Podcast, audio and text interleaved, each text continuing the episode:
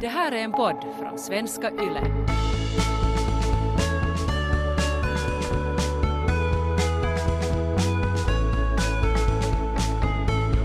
varje vecka. Liksom sätta oss ner och prata och riktigt gå på djupet. Det är Ted och det är Kaj.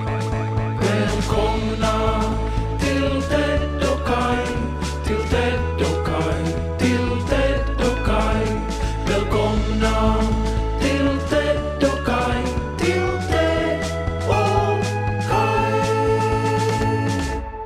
Vi gick förbi en sorts utryckning, jag och Niko. Brandkåren var på plats. Okej. Det var förmodligen falskt alarm, för det, man såg inte någon rök eller något sånt här. Ja. Eh, och eh, inte heller så jättemycket pådrag.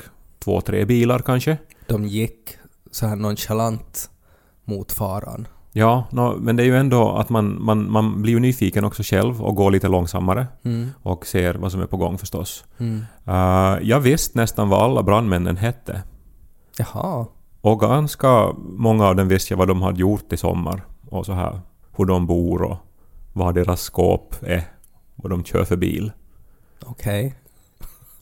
Niko var ganska imponerad, tror jag. Ja. Eller åtminstone tittade han konstigt Ja. när jag började nämna den vid namn och så här. Du har ju tidigare sagt att du brukar, när du är ute på promenad så brukar du gå förbi den här ena brandstationen. Men den är helt i centrum. Det är nästan omöjligt att undvika den jo, jo. stationen. Men att nu låter det ju som att du har brukat ta med dig kikare på dina promenader. Nej, förstås inte. Men äh, Instagram är ju som en allmän kikare in i folks vardag. Ja. Och, och det här, inte rår ju jag för vad de publicerar. Nej, förstås Och, och så här. Och sen har ju alla brandstationer i Helsingfors har ju en egen Instagram också. Där de beskriver vardagen.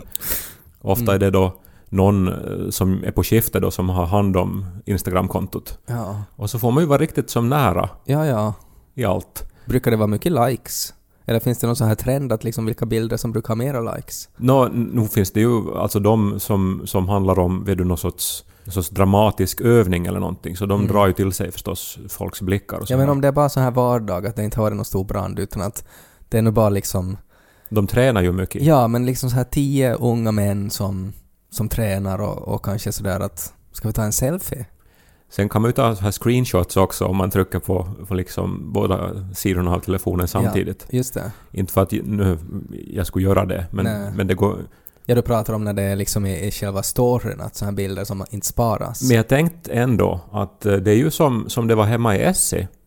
Nu visste man ju vad brandmännen hette, allihopa. Ja. Och så här, och man hade som en relation, det var ju, det var ju vanliga Essebor. Ja. Liksom, det var, de, de, de var bara lite modigare och lite mer frivilliga Mm. och liksom kanske starkare då, antog man åtminstone som barn. Och man Mm. visste ju vad de hette och var de bodde. Överlag är det ju ett intressant koncept tycker jag det här med en frivillig brandkår och att det känns som att det här är en nisch som inte riktigt utnyttjas. Alltså att det skulle också kunna vara liksom frivilliga kockarna som, som kan få laga mat när det behövs mat. Det här är jättebra. J-. Jättebra. Alltså allt sånt här, vid du, när människor gifter sig, Mm. eh, så, så har man ju kanske inte alltid råd med en cateringfirma. Nej, precis. Så då kan man då ta kontakt med frivilliga kockarna. Ja. Och Frivilliga mekanikerna.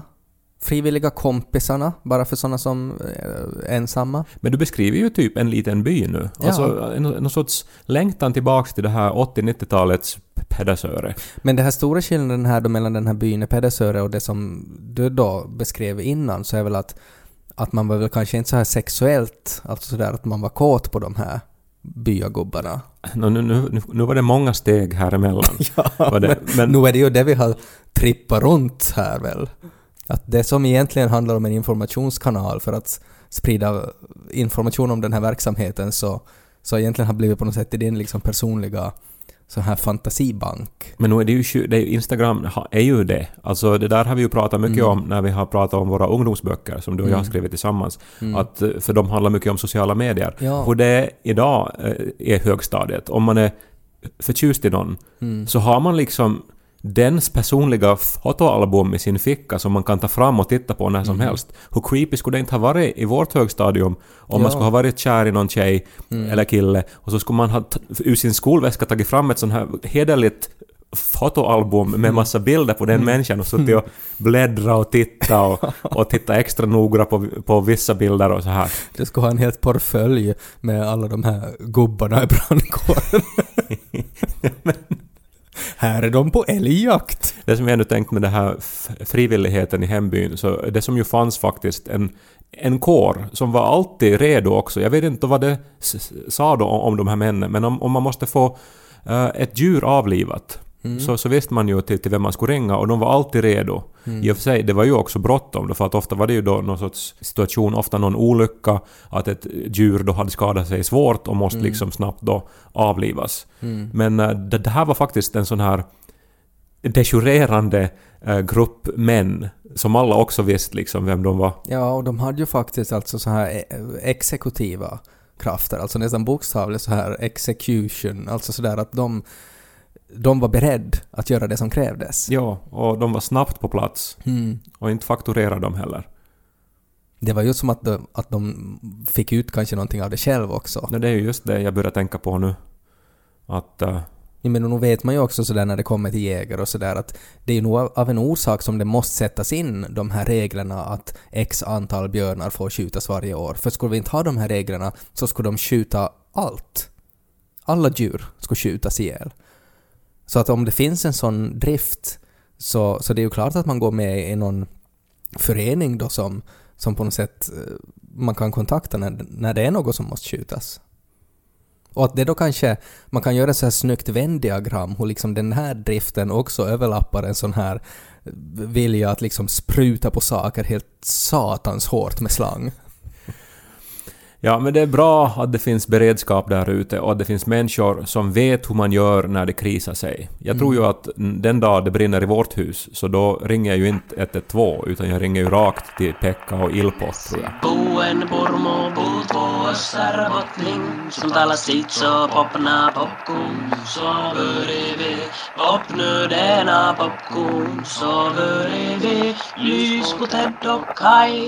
Jag var ju inte med i någon sån här frivillig brandkår när jag var barn. Men det var ju jätteroligt, det var ju veckans höjdpunkt. Alltså vi samlades vid stationen i Esse, vi åkte brandbil, vi byggde de här sprutorna och liksom rullade slangarna och klättrade hit och dit. Ja, men och plus den här stora bonusen då att det var med en massa sexiga byagubbar. Nej, men det- jag, vi var ju barn, jag var ju 11 eller någonting. Det var Men- nog lite så här presexuellt det här. Men det var ändå på något sätt för mig så var liksom... Men idén, om jag bara får fråga, Ja. om det nu skulle ha varit så att det fanns någon sorts byggnad mitt i byn, vi kan ju kalla den en station, Ja. där det skulle finnas 30 kvinnor i så här sina bästa år. Ganska så här ändå i bra form. Alltså som någon sorts nunnekonvent då. Ja, bara de är mer så här handgripliga och liksom faktiskt som, vet du, Ja, men det utför... är ju nunnor. Jag menar de... s- Så här... men inte så mycket bön utan mera så här liksom klättra på tak.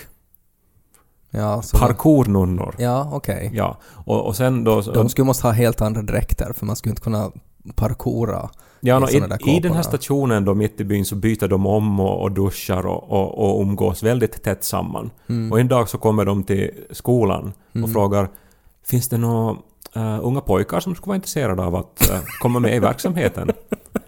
Skulle du då ha farit med? Jag tror att jag skulle ha farit med, men då skulle det vara av endast liksom sexuell nyfikenhet jag skulle få med. Ja. Och också sådär kanske ett intresse just för hur, hur det där, hur, hur, hur, vad deras uppgift är i samhället. De här parkournunnorna.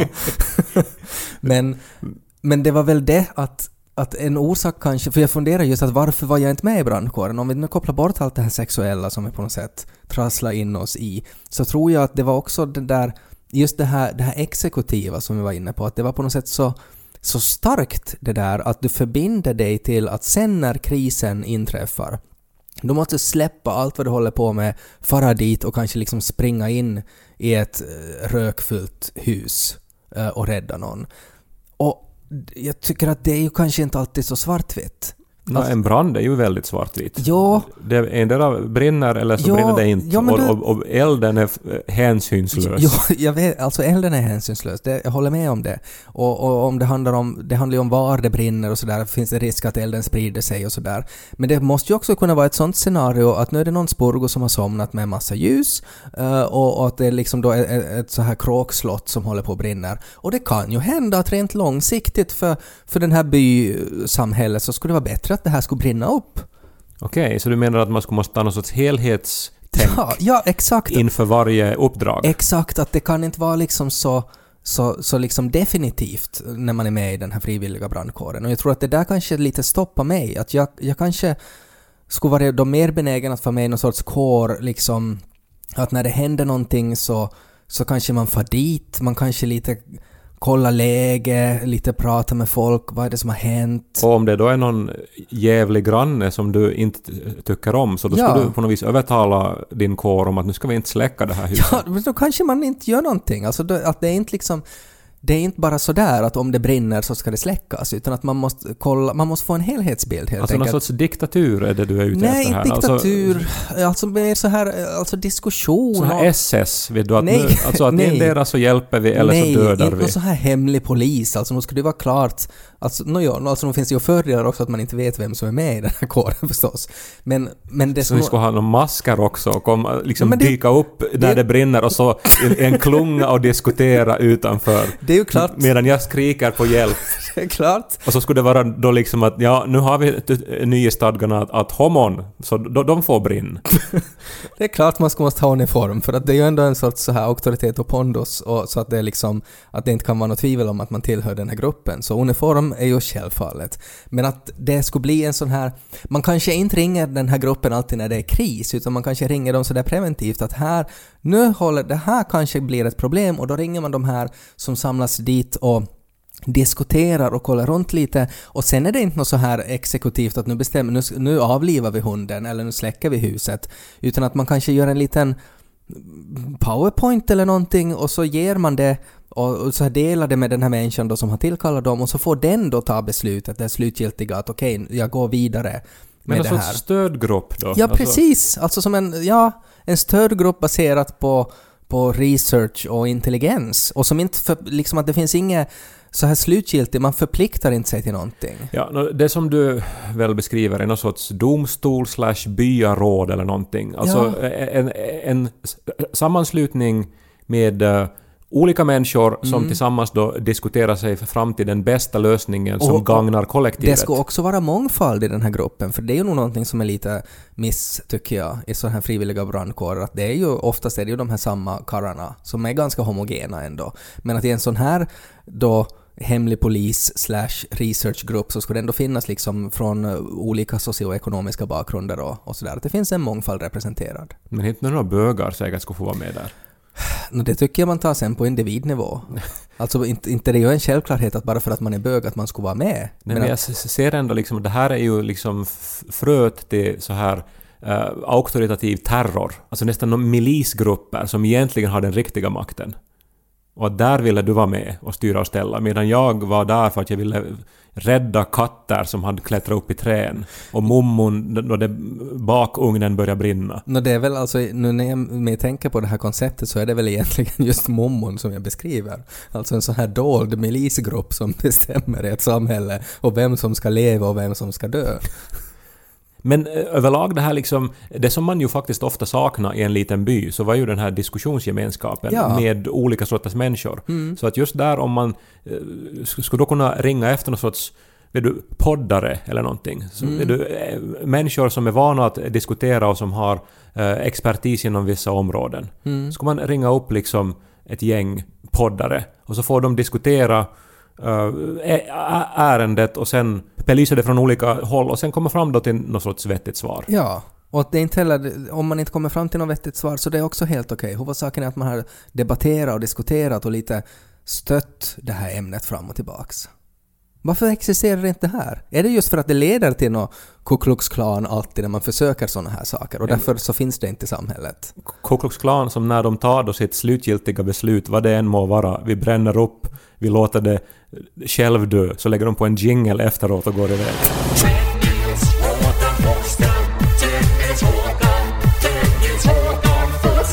Ja, jag vet att jag inte är auktoritet nu då i den här frågan och jag kanske gör b- bort mig men, men jag skulle ändå vilja här förutspå eh, en, en stor olycka i, i Helsingfors. Jaha. En riktigt allvarlig olycka kommer att hända. Alltså det här är någonting du har drömt eller någonting du har sett i, i telöv eller någonting som du känner liksom en sorts magkänsla. Men nu när vi ändå pratar om det här, vet du, Alltså olika funktioner i samhället som hjälper när det behövs och så här. Mm. Eh, människor som har koll på vissa saker. Ja. Nå, eh, alltså, som sagt, jag, jag, jag är ju inte expert här nu, men, men det som jag har sett går inte att förneka. Eh, vi bor i Rödbergen, jag och Niko, och bredvid vårt hem så, så byggs en ny spårvagnslinje. Ja. Håller på nu ett par år. Den ska gå från centrum till Ärtholmen. Och eh, nu börjar den småningom vara färdig, men ännu har inte en enda spårvagn då åkt längs den här linjen. Mm. Och eh, vi rör oss rätt så ofta där då, eh, i området förstås då, och vi har ju följt med byggandet då. Mm. Och på ett ställe så korsar det här spåret ett, ett annat spår. Jaha. Alltså så att man kan som spårvagnsförare då fortsätta framåt eller ta till vänster. Ja, man har ett, ett alternativ helt enkelt. Mm. För ett annars relativt tråkigt yrke kan man väl tänka sig. Ja. Och, eh, Det är sådana här grejer som livar upp liksom ens tråkiga vardag. Ja, och det är här som den, den här stora ol- olyckan kommer att hända snart. Om eh, det som jag nu vet om verklighet, fysik och, och spår är, är sant. Man har alltså gjort en felaktig spårdel här. Jaha. Och alla som går där kan ju se det här. Jag borde ju lägga typ det här på mitt Instagram eller kanske i Ted omklädningsrum. Alltså är det sådär att, det att man ser alltså att, att här får spåret och man kan liksom köra med sin spårvagn och sen kan man fortsätta till vänster eller så kan man fara rakt fram och så får man rakt in i en vägg. Alltså den här delen av skenan där spåret delar sig så är felbyggd. Enligt, enligt allt vad man kan se. Så att det är liksom du som då verkligen inte är expert på spårskenor, så till och med du ser att det här är tokigt. Ja. Det här är en felkonstruktion. Ja, och om jag publicerar den här bilden så kommer alla andra att, att se samma sak. Ja.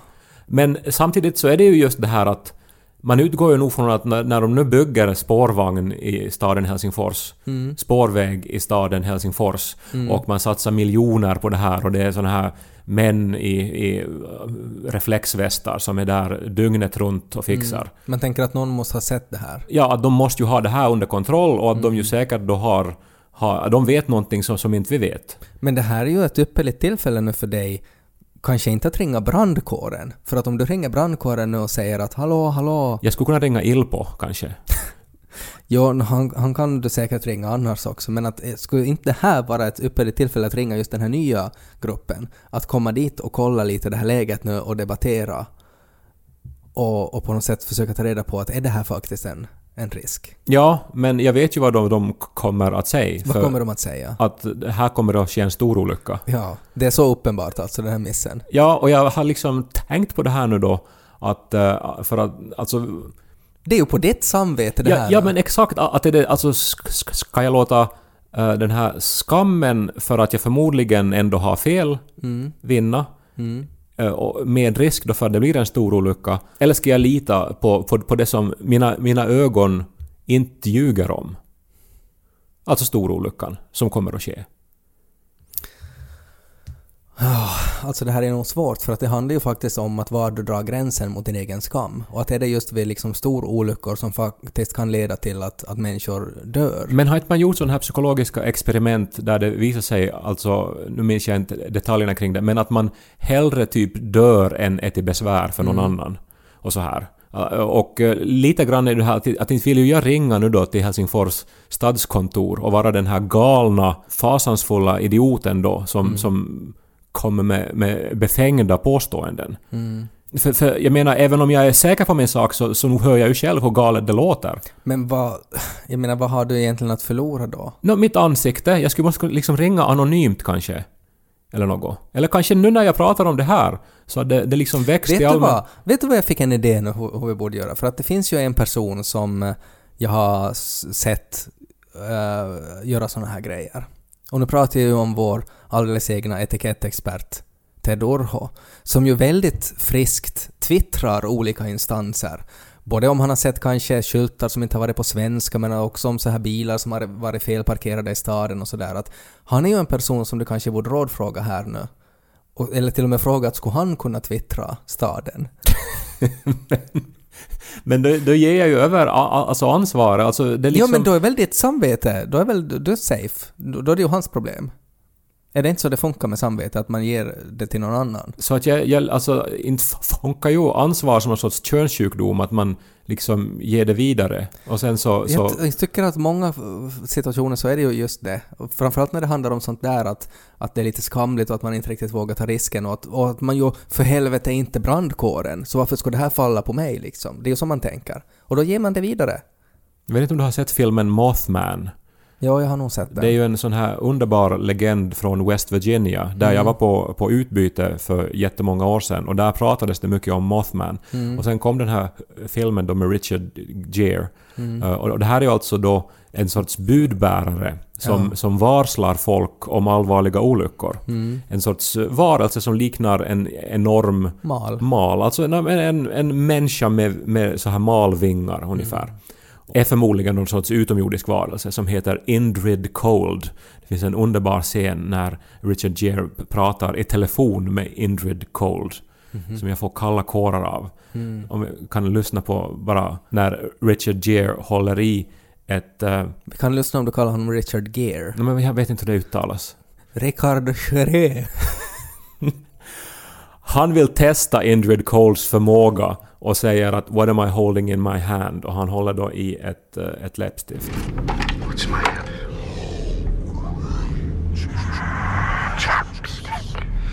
You're reading my mind, aren't you? Det var ju skrämmande.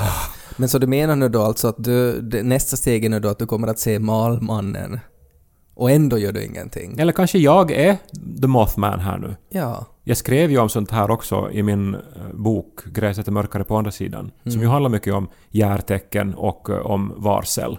Och eh, där, där så inspirerades jag också av Mothman. Men trots alla de här erfarenheterna som du har så är ändå tröskeln att faktiskt kontakta någon sorts trafikmyndigheter för stor. Men du hör ju att jag pladdrar här nu för att jag skäms för att jag tog upp det här. För att det är säkert... Ha, för, jag har ju säkert fel, men... Nå, det minsta du kan göra är ju att ta ett foto av det här misstaget och sätta det i Tedokais omklädningsrum och så försöker vi nå konsensus där. Ja, no, det bästa är ju att det finns ju tiden nu, för det är först, eh, tror jag, nästa år som de första spårvagnarna kommer att köra Ja. där. Men tänk om det här är på riktigt då en miss och så kommer då trafikministeriet eller jag, jag vet inte vem det är som håller i de här spårskenorna men att du, då, du kanske får liksom en pokal eller en liten plakett eller någonting där det står att så där som det står ibland på vissa hus så finns det såna här att det står att här bodde Tove Jansson så skulle det kunna stå att här bodde Kai Korkeaho när han insåg den stora spårskensmissen år 2020 som han tweetade och räddade räddade Helsingfors. Det, det, det, men det, precis det som du säger nu, att det här är som så abstrakt det jag gör nu. Så det, det ryms inte på en plakett. Och det är väl också en orsak till att jag inte vill kontakta någon. Att jag är någon sorts sån här ingenjörs... Uh, kontrollantpolis. Men kan du, vad är liksom nästa steg då? Kan du bara skri, kan du skriva en, en sån här, en arg lapp? Kan du sätta en arg lapp på det där och bara skriva något så här ”Mitä?” och så här frågetecken och några pilar. Och så... så Hej, nej! Ja! Alltså sådär att du har sett det här och så får någon annan då skriva med någon annan penna att Vasemmalle joo! Eteenpäin! Ha? Ja. Så det borde, det är ju liksom, det är ju kanske det här finska sättet att hantera det här på. En arg lappe. Ja. Ja. Det, det är som den, den finska Mothman. Det är liksom arga lappar i hissen.